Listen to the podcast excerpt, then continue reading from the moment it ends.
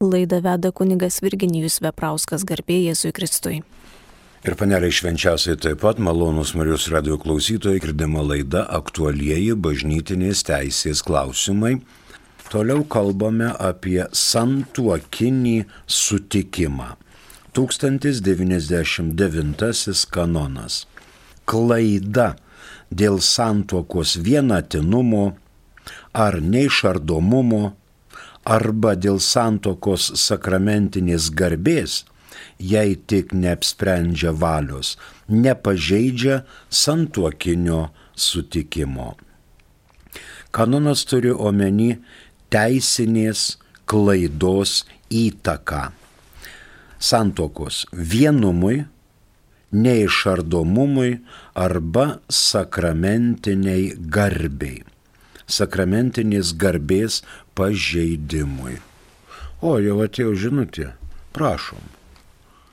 Ar galima jausti jau kremuoto ir palaidoto savižudžio sielos buvimą, ar reikėtų pašventinti įvykio vietą? Dabar taip. Pirmiausiai savižudis. Tai asmuo. Kiekvienas mūsų gauname gyvybę iš Dievo. Žmogus nėra pajėgus sukurti žmogaus. Žmogų sukuria Dievas. Aišku, tėvai bendradarbiauja, ten kūną duoda, bet sielą nemarę, tai tikrai duoda Dievas. Dabar gyveno kartą žmogus. Jisai žino, kad reikia pildyti Dievo valią ir nueiti į dangų. Ir kadangi ne jis pats yra savo gyvybės davėjas, o Dievas, tai jisai pats savo ir neturėtų teisės atimti gyvybę. Tačiau atsiranda tokių dalykų, kai pakelia žmogus ranką prieš save. Mes šiandien nagrinėkim, dėl kokių priežasčių pakelia ranką. Gali būti tai nepakeliamos gyvenimo sąlygos, arba artimų žmonių išdavimas, arba būna žmogus nesuprastas visam gyvenime, gali būti lyga ir taip toliau. Dabar jausti sielos buvimą na, nėra dar tokių prietaisų, kurie galėtų pajusti ir fiksuoti, kad būtų kokia tai vizualinė rodiklė, štai jis atėjo, štai jis neatėjo. Gali būti, kad mes prisimenam tą žmogų, kuris nusižudė, pakėlė ranką prieš save ir mums jo gaila. Vaikštom, galvojam, paskui ateina sapnuose, prašo valgyti, ir taip toliau. Tai dabar ar galima jausti palaidoto, kremuoto sielos buvimą? Aišku, galima, bet neprivalu. Tai nėra įrodomumo dalykas. Jeigu žmogus miręs, tai jau jo kūnas pradeda irti. Ar pradeda irti jau po po kelių akimirkų, kai jis miršta, kai kurie gyvybiniai procesai dar ilgus laiko tarpus egzistuoja. Tarkim, egzumuojant asmenį nekremuotą, karste galime matyti, kad ir nagai užaugia, ir barzda užaugusi, arba plaukai pailgėja, ir kitos funkcijos dar kūne egzistuoja, bet jau sielos ten nėra. Tai ar jis kremuotas, ar jis palaidotas, ar jis dar kaip nors kitaip, tai mes negalim spręsti. Dabar ar reikėtų pašventinti įvykio vietą, tai čia jau sprendžia artimieji. Tarkim, šeimoje išėjo žmogus savo miegamajame. Atvažiavo policija, atvažiavo medikai, surašė protokolus, ten sutvarkė formalumus ir žmonėms liko slogutis. Ten reikėjo ir turbūt priteršta kažkiek yra, nuvalyti, išvalyti, kaip dabar eiti tą mėgamą miegoti, jeigu ten yra savižudžio vieta. Aišku, dažnai žmonės ir labai dažnai kviečia į šitą vietą, kad ją arba visą būtą kunigas pašventintų.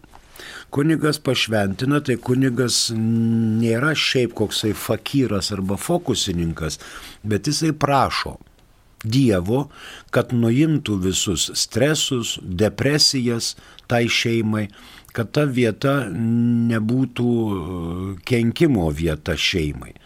Nes savižudybė yra sunki nuodėmė.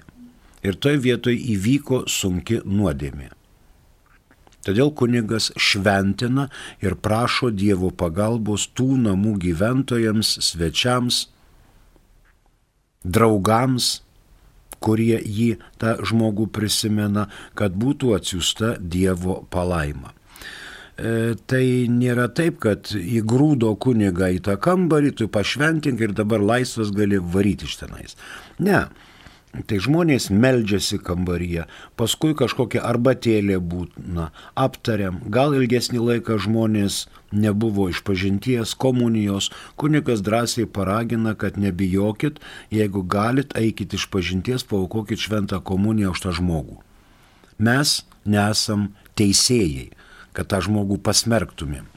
Gyvenimo aplinkybės gali arba lyga gali taip sujaukti žmogui gyvenimą, kad jis praranda prasme na, būna silpna dvasis ir galvoja, kad su šita mirtimi viskas pasibaigs. O pasirodo, su to žmogaus mirtimi dar tik prasideda amžinybės gyvenimas. Už tai mes maldaujame Dievo malonės. Kad būtina būtų šventinti įvykio vietą, kauniečiui atsakau, tai nėra būtina, bet labai patartina kad neslėgtų ir nepersekiotų įkyrios kamuojančios mintys. Ačiū. Dar viena žinutė. Prašom. Našlė kunigo mama mažai praktikuojanti katalikė nori vesti, ar ji turi atsiklausti sunaus dėl santokos. Trumpai ir aiškiai, tikrai ne. Ar jie mažai tikinti, praktikuojanti, ar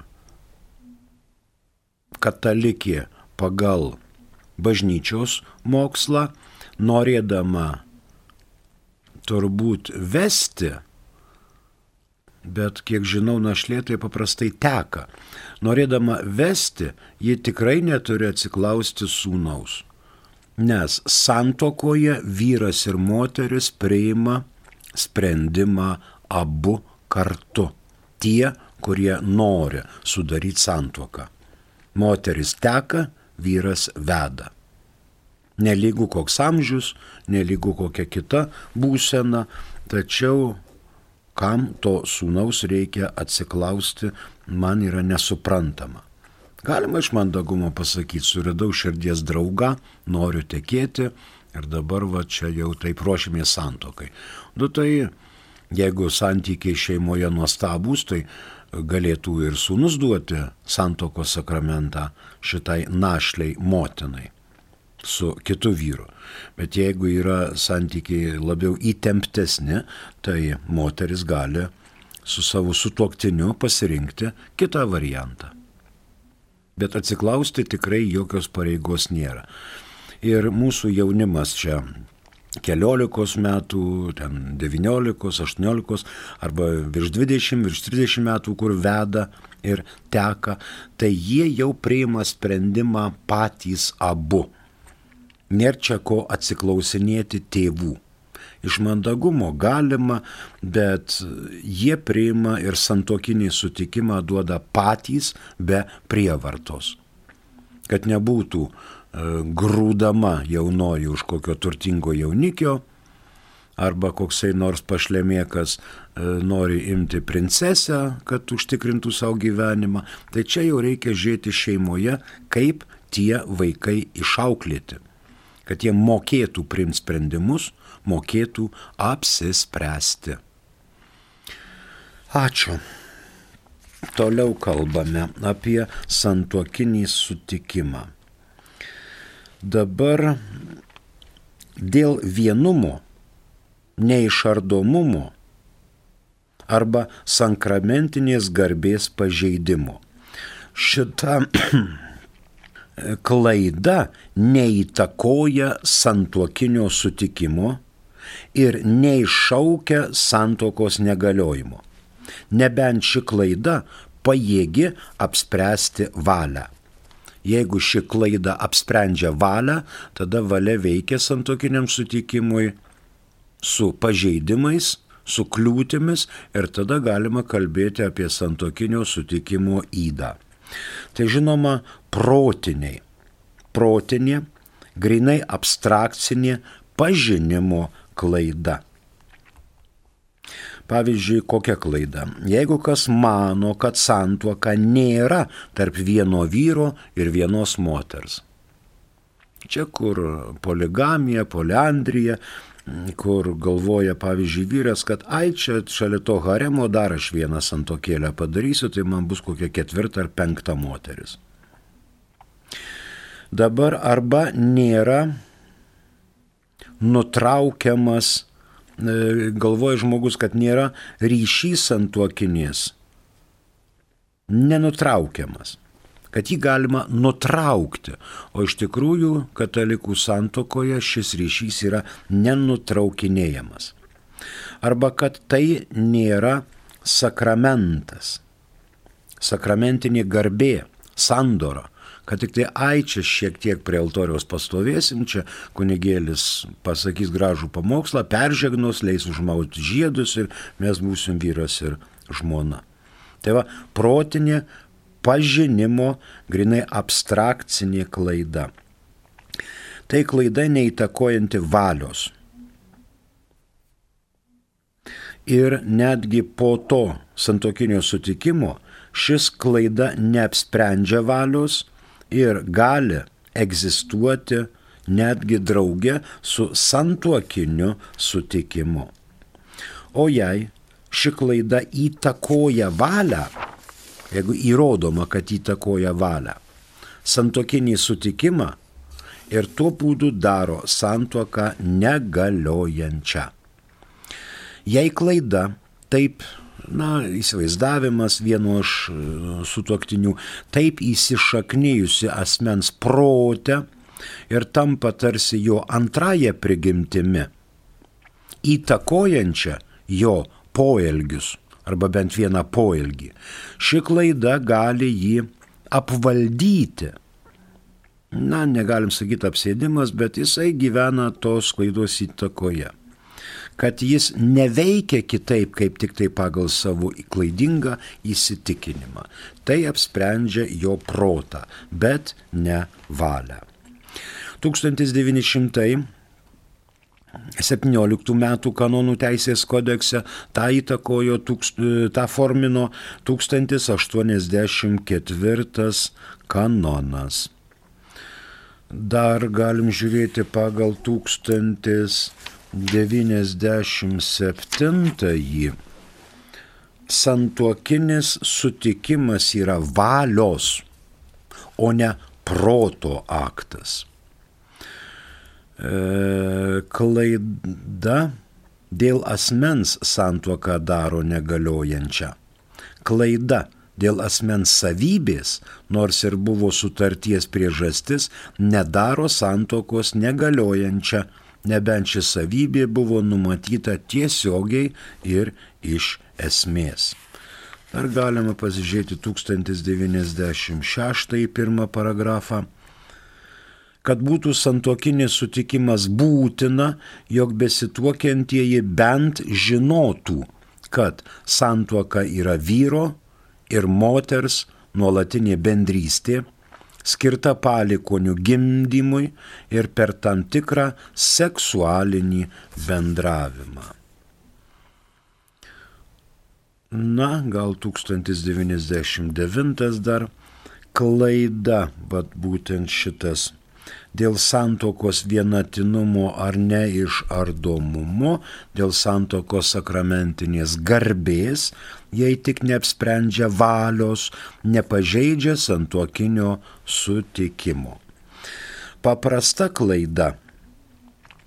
Jei pozityviai paniek, paneigia arba atmeta vienumą, neišardomumą ir sakramentalumą tada, klai, tada ši klaida nėra paprasta, o apsprendžianti valią. O paprastos klaidos tai yra žemesnio lygio.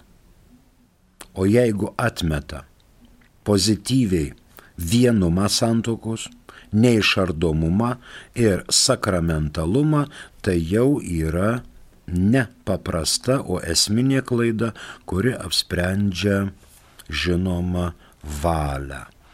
Galim pažiūrėti 1101-2 paragrafą. Tačiau jei viena arba abi šalys pozityvi valios aktu atmeta pačią santuoką arba kokį nors esminį santokos elementą ar kokią nors esminę savybę, ją sudaro negaliojamai. Ne dėl to, kad neišskiria, bet dėl to, kad nežino tiesos. Rytų kanonuose atitikmuo 1099 yra 822. Mus pasiekė SMS žinutė, prašom. Garbėsiu Kristui, turiu draugę ir jos dukros nekrikštytos, man dėt pastangas jas pakrikštyti ar palikti taip. Žiūrint, kokio amžiaus dukros. Jeigu paaugusios jos gali priimti pačios sprendimą. Bet jeigu jūs esate katalikas, krikščionis, tai reikėtų pasišnekėti su drauge dėl jos dukrų kad nebūtų amžina pražūtis ateityje. Gali būti, kad tai yra komplikuotas amžius, jeigu ten 3-4 metukai, nu, tai reikia tada imti ir pakrikštyti, pasirūpinti, kad dukros būtų pakrikštytos. O jeigu tai yra 14-16 metų, jau tada reikia praeiti kurselius, pasimokyti ir krikščionišką ugdymą ir auklėjimą turi užtikrinti, aišku, tėvai. Jeigu draugė nekreipė dėmesio, jūsų būtų visai nebloga mintis pasišnekėti su drauge ir šituos dalykus įgyvendinti. Taip palikti nevertėtų. Tik žinot, nebūtinai ten taip sakant, einant pro šalį, eitų ten tavo dukros, ne krikštas, einam krikštyti. Ne, reikia trupučiuką pasišnekėti apie tai, ką duoda krikštas žmogui. Kam jis žmogui yra reikalingas. Kad jis padaro mus ne velnio ar nuodėmės, bet Dievo vaikais, nuplauna gimtąją nuodėmę ir bausmę už ją netgi bausmę už ją, ne vien gimtąją nuodėmę, ir atstato mūsų santyki su Dievu. Po krikšto žmogus gali priiminėti visus bažnyčios teikiamus palaiminimus, sakramentus ir kitas malonės. Žmogus gali apsivalyti nuo nuodėmių, eidamas iš pažinties ir vėl atstatydamas bendrystę ir tapdamas Dievo vaiku. Tai yra toks gyvenimas. Ačiū. Bažnyčia meldžiasi už tokius asmenis, kad būtų pakrikštyti. Dabar 1099 pabaigim, fiksuojam. Klaida dėl santokos vienatinumo ar neišardomumo arba dėl santokos sakramentinės garbės, jei tik neapsprendžia valios, nepažeidžia santokinio sutikimo. Kitas tūkstantis šimtasis. Žinojimas ar nuomonė, kad santuoka yra niekinė, nebūtinai atmeta santuokinį sutikimą. Šis kanonas apie santuokinio sutikimo nuomonę arba žinojimą, asmeninę nuomonę, nuomonę dėl santokos galiojimo. Net ir santokos sudarimo metu nuodėm, nuomonė pasilieka tik proto sferoje, net daro įtakos į valią priimti sprendimų. Bet gali būti pagrindu dėl santokos negaliojimo, jeigu būtų ši abejonė įrodoma. Pavyzdžiui, gali būti, kad žino kliūtį ir vis tik tai santokinę kliūtį arba trūkumą ir vis tiek simuliuoja santoką. 1917 m. kanonų teisės kodekse tą normino 1085. Čia apimama intelektos rytis. E, kai taip sakoma, kartais žmogus neklauso proto balso, jam labai labai norisi. Nori sudaryti santuoką, nepaisant bažnytinių arba žmogiškų civilinių įstatymų. Ir nepraranda, pavyzdžiui, vilties, kad dabar lygtai ta santoka negalioja, bet gal kada ir kas nors pasikeis ir pasidarys šitą santoką galiojanti.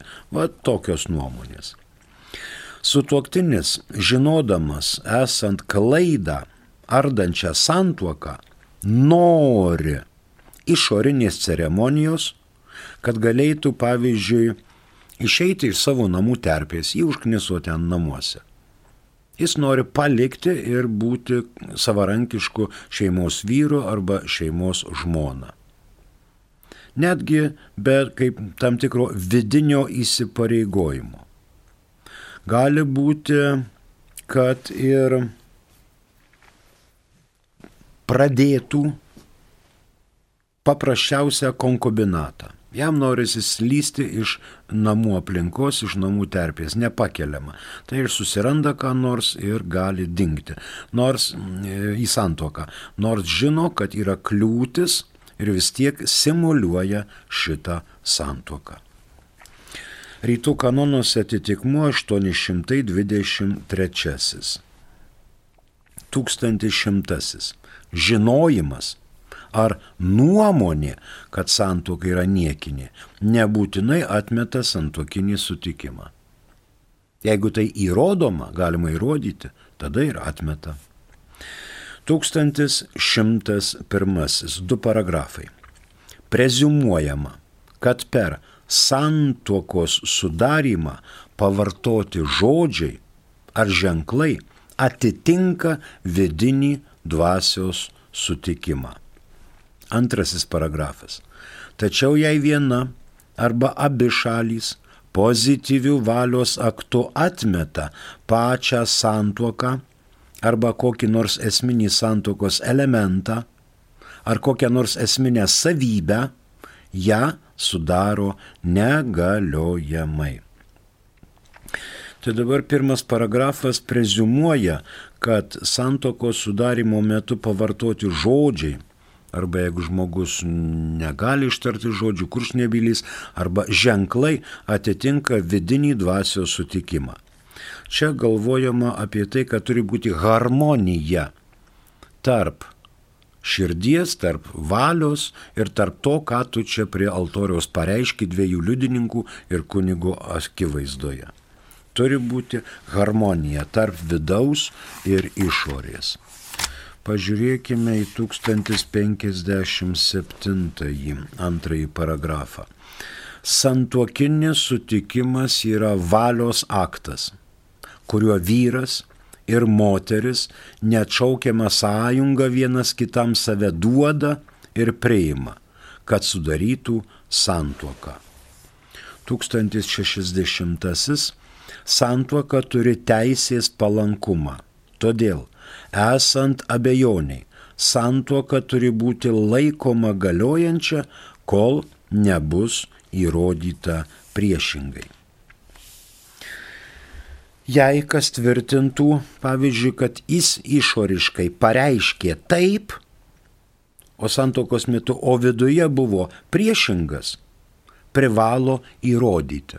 Privalo įrodyti, kad jis tą simuliavo. Kaip įrodyti? Gal išvakarėse su draugais arba tėlę gėrė ir pasakė, kad čia man vienodai rodo, aš tik tai, reiškia, taip noriu savo.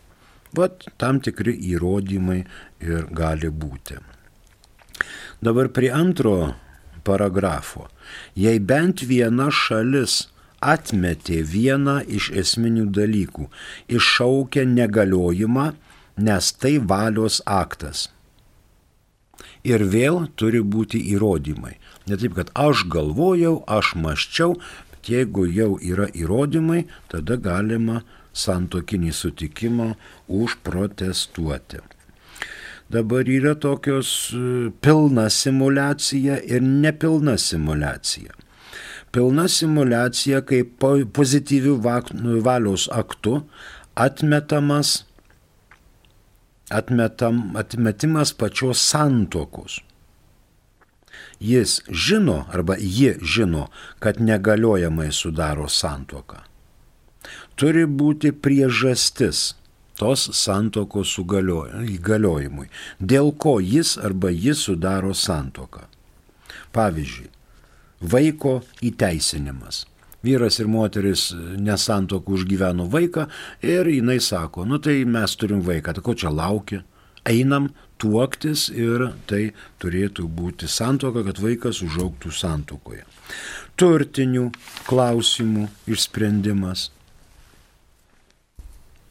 Geismingumo arba geidulingumo patenkinimas. Vat labai noriu aš jos. O ten kaip šeimoje neįdomu, bet aš jos noriu. Dabar pilna simulacija. Kaip santokinio sutikimo trūkumas iššaukia santokos negaliojimą. Čia iš prigimtinės teisės. Dabar dalinė simulacija. Atmetamas kokio nors pagrindinio santokos elemento atmetimas. Tikslo atmetimas santokos vaikų reiškia gimdymas, auklėjimas, pradėjimas. Abiejų stuknių gėrių atmetimas tarpusavio meilės atmetimas, tarp asmeninių ryšių, kad santokoj nereikia, atmeta tarp asmeninius ryšius.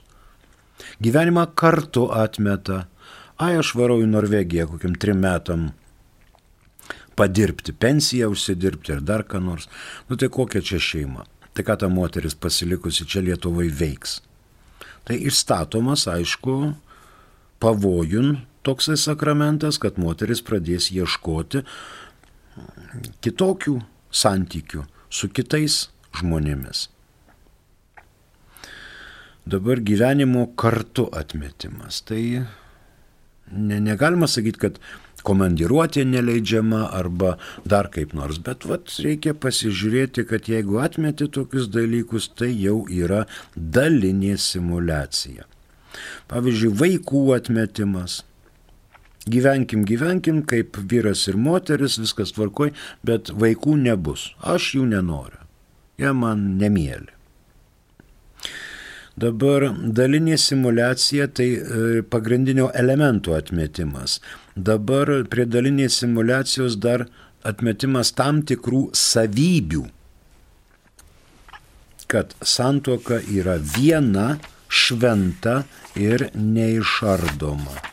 1056 pažiūrėkime. Esminės santokos savybės yra vienatinumas ir neišardomumas, kurios dėl sakramento krikščioniškoje santokoje įgyja ypatingą tvirtumą. Žodžiu, vienatinumas ir neišardomumas, atmetimas šių savybių. Atmeta įsipareigojimus vienas kitam. Mylėti. O vien sako, ai aš tik tai vykdysiu pareigą. Jeigu atmeta visą gyvenimą vienas kitam save dovanoti, nepalikti su tuoktiniu, na ir taip toliau. Tai yra tam tikros savybės, kurių atmetimas daro dalinę simulaciją. Kad būtų negaliojama reikia, santoka negaliojama, reikia žiūrėti dėl pozityvaus valios akto. Reikia skirti atmetimo akto prigimtį, dėl ko tas valios aktas atmetamas. Reikia skirti, kokių tikslų siekiama šiuo atmetimu ar yra koksai nors tikslas, ar tikslo nėra. Šiaip savo. Bet protingas žmogaus prigimtis nusako, kad turėtų būti tikslas, dėl ko atmetama savybė. Ir yra tarp pasirinkčių žiūrėti, ar pilna simulacija, ar dalinė. Pilna suteikia teisę, žinoma, su įrodomumu ir dalinė simulacija taip pat suteikia, nes dalinė simulacija dėl savybių, o pilna simulacija dėl pagrindinių elementų. 1917 m. kanonų teisės kodekse tai reglamentavo 1081 ir 1086 kanonai. O dabar čia, na, atėjo SMS žinutė, prašom. Rita klausia. Taip. Ar galiu atsisakyti intimių santykių, jei pastoviai geria, tiesiog pavargau būti išnaudojama, vaikai pavargo nuo tėvo pijokyščių. Dabar mes Marijos radio bangomis negalime jums pasakyti nei taip, nei ne. Nes vyras žmonai, o žmona vyrui dovanoja save pilnai dovanoja. Dabar jūs man pasakykit, kaip pijokaujantis arba pastoviai šiltas, turbūt ir nelabai švarus, gali pilnai save dovanoti. Jis gali sakyti, ei tu čia, atkelk vartelius, man reikia. Nu tai žinot, čia jau eina hidraulika ir kažkokie kitokie dalykai. Reikia palaukti momento ir pasišnekėti, kaip tai suprast, jeigu aš irgi esu žmogus, aš esu moteris. Ir jeigu pastoviai geria, pastoviai nuovargis, pastoviai žmona jaučiasi išnaudojama, vaikai pavarksta nuo tėvo pijokyščių rita. Tai aišku, kad čia yra rimtas pagrindas mąstyti apie gyvenimą šiek tiek kitaip. Negalima e, gyventi tokio kaip ir, pasakyčiau, gyvuliško gyvenimo, kad man reikia ir viskas, taškas, dabar aš užsimaniau ir čia pat ir to jau pat. Eik įsiblaivyk, palysk po dušeliu, noriu ir bučinio, noriu ir glamonių, noriu ir prisilietimų, ir apsikabinimų, noriu kai būsi tvarkingas, va tada ir gali bandyti. Jeigu jau vaikai mato, jeigu čia šeima, tai nėra labai stiprus dalykas. Ačiū Rita, dar laiko trupučiuką yra, mums paskambino, prašom. Klausytojas Kestutis. Mhm. Noriu paklausti jūsų e, dėl tos kanonų teisės galiojimo, nes vieni sako, nusakysime, jeigu aš baigiau kanonų teisę, ar aš galiu, sakysime, dirbti šitą ten, kokiu ten juristu arba advokatu. Tai dabar kestuti dėl juristo arba dėl advokato. Jeigu kas baigia kanonų teisės studijas, tai baigia kažkokiu tai laipsniu. Ar bakalauru, ar magistru, arba daktaru. Tai dabar Lietuvoje, mano žiniom, nėra tokių studijų, kurios, e, ten specializacija turbūt VDU yra su bažnytinė teisė, nors aš kol kas negarantuotas, o seminarijose vis tiek supažindina auklėtinius su kanonų teisė, ypatingai su santuoka, kadangi kunigai turi laiminti santuokas ir nors šiek tiek jie turėtų būti pakaustyti apie tai, apie ką mes čia šnekame nes ateina jaunavedžiai paprasčiausiai, mes norim santokos. Ir va tada prasideda, tai čia užsirašyk, mes čia už mėnesio ateisim ir sutuoksim mus. Tai kunigas paprastai turi sakyti pala, pala, pala, pala. Specialybę mes galime keisti. Keisti galim specialybę. Kas keli metai. O santuoka yra visam likusiam gyvenimui. Ir norint santokai pasiruošti, reikia ir kurselius praeiti, ir pažiūrėti, ar sutvirtinimo sakramentas priimtas, pažiūrėti, kaip gyvenate, su kuo gyvenate, su kuo gyvenote, ar nebuvo kokių tai kliūčių ateityje, ar nebuvo civilinių santokų, ar nebuvo šventimų, ar nebuvo amžinųjų įžadų viešų iškilmingų duotų institute ir taip toliau, ir taip toliau. Tai dabar baigus studijas, baigus studijas. Negalima teikti, kad galit dėstyti kažkur. Baigus studijas tai yra jūs supažindintas esate su tam, tikro, tam tikrais pagrindais, kad ir magistras. Yra pilnas specialistas. Bet dar kitas klausimas, ar jūs būsite kviečiamas dėstyti koledže, universitete, e, dar kažkur tais aukštojoje mokykloje, mažojoje mokykloje. Ir žinoma, dabar kur jūs baigsite studijas? Ar individualiai pavartote kanonų teisės kodeksą, ar jūs savo baigsite